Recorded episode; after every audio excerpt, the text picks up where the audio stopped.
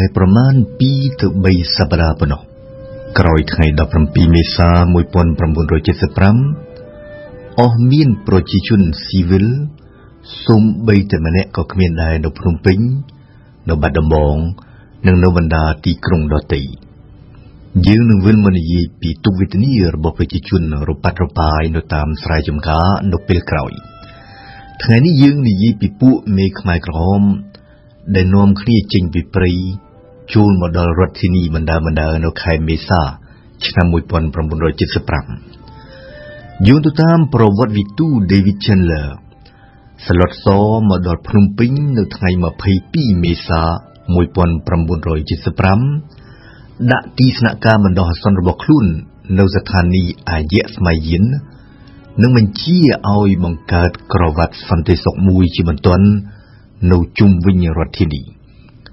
សលុតសផ្លាស់ទីកន្លែងដេកពួនសឹងរៀងរាល់យប់រីខៀវពុនរីដែលជាប្រពន្ធកាលនោះคล้ายជាមនុស្សវិកលចរិតបាត់ទៅហើយប្រហែលមកពីបានឆ្លងកាត់ជីវិតលាក់ខ្លួននិងជីវិតភ័យខ្លាចយូរអង្វែងពេកនៅក្នុងព្រៃភ្នំអស់រយៈពេលជាង10ឆ្នាំទាំងនេះស្ដីឲ្យឃើញថាសលុតសនិងពួកមេខ្មែរក្រហមដទៃផ្សេងបន្តរស់នៅក្នុងភាពប្រយ័ត្នប្រយែងខ្ពស់ ទោះជាពួកគេបានរំលំរបបសាធារណរដ្ឋបានកំចាត់ចក្រពត្តិអាមេរិកនិងបានបណ្ដេញប្រជាជនទាំងជាង2លាននាក់ចេញអស់ពីភ្នំពេញហើយក្តី សម្រាប់ពួកគេសត្រូវត្រូវបានរំសាយពិតមែនតែនៅបន្តលាក់ខ្លួនពីពេញប្រទេស ក្នុងចំណោមប្រជាជន17មេសារួមមានជាអាចភ្នាក់ងារស៊ីយ៉ាជនជាតិបរទេសទាហាន និងមន្ត្រីរដ្ឋការនៃសង្គមចាស់ពួកបញ្ញវន្តនិងសត្រូវសក្តានុពលគ្រប់ប្រភេទប្រឆាំងនឹងបដិវត្តន៍ម្ល៉េះហើយនៅពេញមួយឆ្នាំ1975បទបញ្ជាភ្លាមភ្លាមពីភ្នំពេញទៅកាន់ប្រធានភូមិភាគទាំង6រួមមានតាមុកនៅនិរដីសោភឹមនៅបូព៌ាញឹមរស់នៅពីយប់កុយធួននៅឧដរ ណៃសារ៉ាន់នៅអេសាន និងវ៉នវេតនៅតំបន់ពិសេសជុំវិញភ្នំពេញ គឺបន្តវែកមុខខ្មាំងនិងកំតិចខ្មាំងជាស្ដែង នៅចុងខែមេសាឆ្នាំ1975ប៉ុន្មានថ្ងៃមុនផ្ដើមបណ្ដេញប្រជាជនចេញពីបាត់ដំបង ខ្មែរក្រហម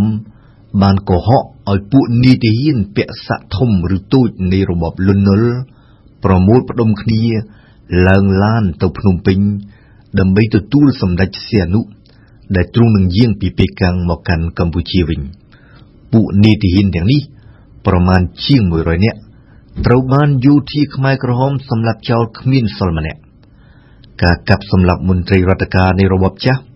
និងការកំទេចខ្មាំងសក្តានុពលដូចជាពួកបញ្ញវន្តឬគ្រាន់តែអ្នកពាក់វ៉ែនតាសោះនោះក៏ផ្ដើមប្រព្រឹត្តទៅដូចគ្នាដែរចាប់ពីចុងខែមេសា ឆ្នាំ1975ទៅនៅគ្រប់ទីកន្លែងក្នុងគ្រប់ភូមិភាគទាំង6ដែលសិតតែមានក្រុមយោធារៀងៗខ្លួនការផ្ដើមកាប់សម្លាប់រង្គាលនៅទូទាំងប្រទេសនេះធ្វើឲ្យប្រជាជនភិតភ័យខ្លាំងនិងភ្លាមភ្លាមការភិតភ័យនេះរីកធំនិងคล้ายជាការបាក់ស្បាតនៅចំពោះមុខការផ្ដើមលេចឡើងនៃពាក្យអង្គការដែលទាំងអស់គ្នាឮតែគ្មានអ្នកណាស្គាល់មុខ ស្ដាប់អង្គការអង្គការដាក់ទិសអង្គការចាត់តាំងអង្គការភ្នែកម្នាស់លាក់នឹងលាក់ជារួមឮតែអង្គការម្នាក់ម្នាក់ញាក់សាច់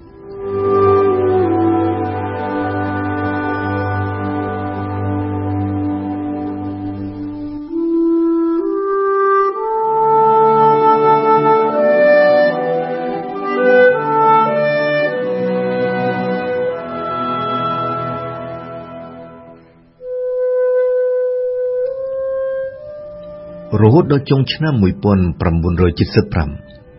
នៅផ្ទៃក្នុងប្រទេសក្រៅពីបញ្ជាពួកប្រធានភូមិភាគឲ្យបន្តវែងមុខខ្មាំងលាក់ខ្លួន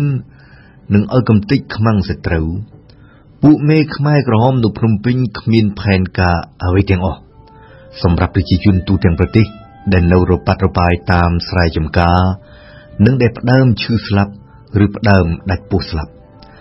រីឯវិធានការភ្លាមភ្លាមរបស់ពួកមេខ្មែរក្រហមនៅលើវិស័យការបរទេសវិញ ស្ដីឲ្យឃើញនៅទិសដៅតែមួយគត់នោះគឺការដាក់ប្រទេសកម្ពុជាឲ្យនៅក្រៅសហគមន៍អន្តរជាតិនិងនៅក្រៅសតវត្សទី20ទំនាក់ទំនងទូរស័ព្ទនិងប្រេសនីជាមួយបរទេសត្រូវផ្ដាច់ព្រំដែនត្រូវបិទអ្នកហ៊ានឆ្លងចេញឬឆ្លងចូលត្រូវទទួលទោសប្រហារជីវិត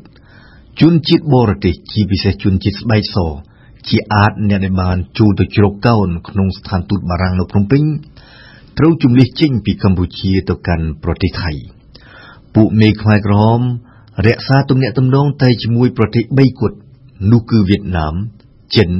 និងកូរ៉េខាងជើងជាក់ស្ដែងនៅក្នុងឆ្នាំ1975សឡុតសអមដំណើរដោយនួនជាទៅបំពេញទស្សនកិច្ចនៅហាណូយ ចំនួន5ថ្ងៃបន្ទាប់មកទៀត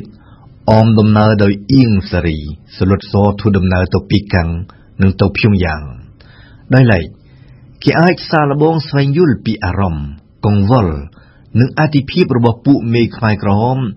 ក្រោយថ្ងៃជោគជ័យ17មេសា1975ដោយធ្វើការសិក្សាទៅលើឯកសារមួយចំនួនដែលត្រូវបានរកឃើញមានជាអាច កំណត់ហេតុទាំងអស់ចំនួន17ដែលសង្ខេបអង្គប្រជុំជាបន្តបន្ទាប់នៃគណៈអចិន្ត្រៃយ៍មជ្ឈិមបក្សពីខែតុលា ឆ្នាំ1975ដល់ខែមិថុនាឆ្នាំ1976ប្រវត្តិវិទូ David Chandler ដែលបានពិនិត្យមើលកំណត់ហេតុទាំងនេះ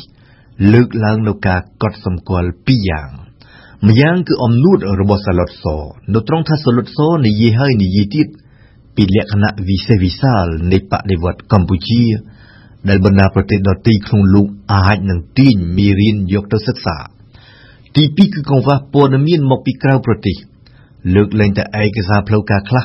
ផ្សព្វផ្សាយដោយបណ្ដាបកកុម្មុយនីសនៃបណ្ដាប្រទេសផ្សេងផ្សេងម្ល៉េះយោងទៅតាម David Chandler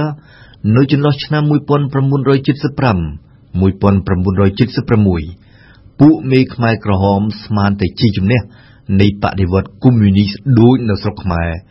បាននឹងកំពុងបន្តកើតឡើងនៅពីពេញពិភពលោកយ៉ាងណាក៏ដោយកំណត់ហេតុមួយរបស់ខ្មែរក្រហម ដែលសង្ខេបអង្គប្រជុំនៃគណៈអចិន្ត្រៃយ៍មជ្ឈិមបក្សនៅខែតុលា ឆ្នាំ1975បង្ហាញថាពួកមេខ្មែរក្រហមផ្ដើមបែងចែកការងារគ្នាធ្វើនៅពេលនោះឯកសារនេះ ដែលជាបញ្ជីរាយនាមនិងជាបញ្ជីកំណត់ទូនីតិរបស់ពួកមេខ្មែរក្រហម13នាក់គឺជាសមាជិកនៃរដ្ឋាភិបាលខ្មែរក្រហមទី1ក៏ថាបានមេដឹកនាំទាំង13នាក់នោះគឺសលុតសដែលមិនទាន់ដូរឈ្មោះផ្លូវការជាពលពតនៅឡើយនួនជាអៀងសារីខៀវសំផនកុយធួនសុនសេនវ៉នវេតសឿវ៉ាស៊ី នុនសុនជីមសាមោកសឿមសុនខៀវធីរីប្រពន្ធអ៊ីងសេរី និងយុនយ៉ាតប្រពន្ធសុនសែនក្រោយមក នៅក្នុងចំណោមមេខ្មែរក្រហមទាំង13នាក់នៃរដ្ឋាភិបាលទី1នេះ5នាក់ត្រូវចាប់ខ្លួននិងសម្លាប់ចោលពីចន្លោះឆ្នាំ1976ដល់ឆ្នាំ1978 នេះមិនទាន់និយាយដល់មេខ្មែរក្រមល្បីល្បីមួយចំនួនផ្សេងទៀតដូចជាហ៊ូយុនជាដើម ដែលប្រភពមួយចំនួនបញ្ជាក់ថាត្រូវសលុតសបញ្ជាឲ្យសម្លាប់ចោល តាំងពីខែមេសា ឆ្នាំ1975ម្លេះដែលហេតុតែបានប្រឆាំងនឹងការបណ្ដេញប្រជាជនចេញពីភ្នំពេញ។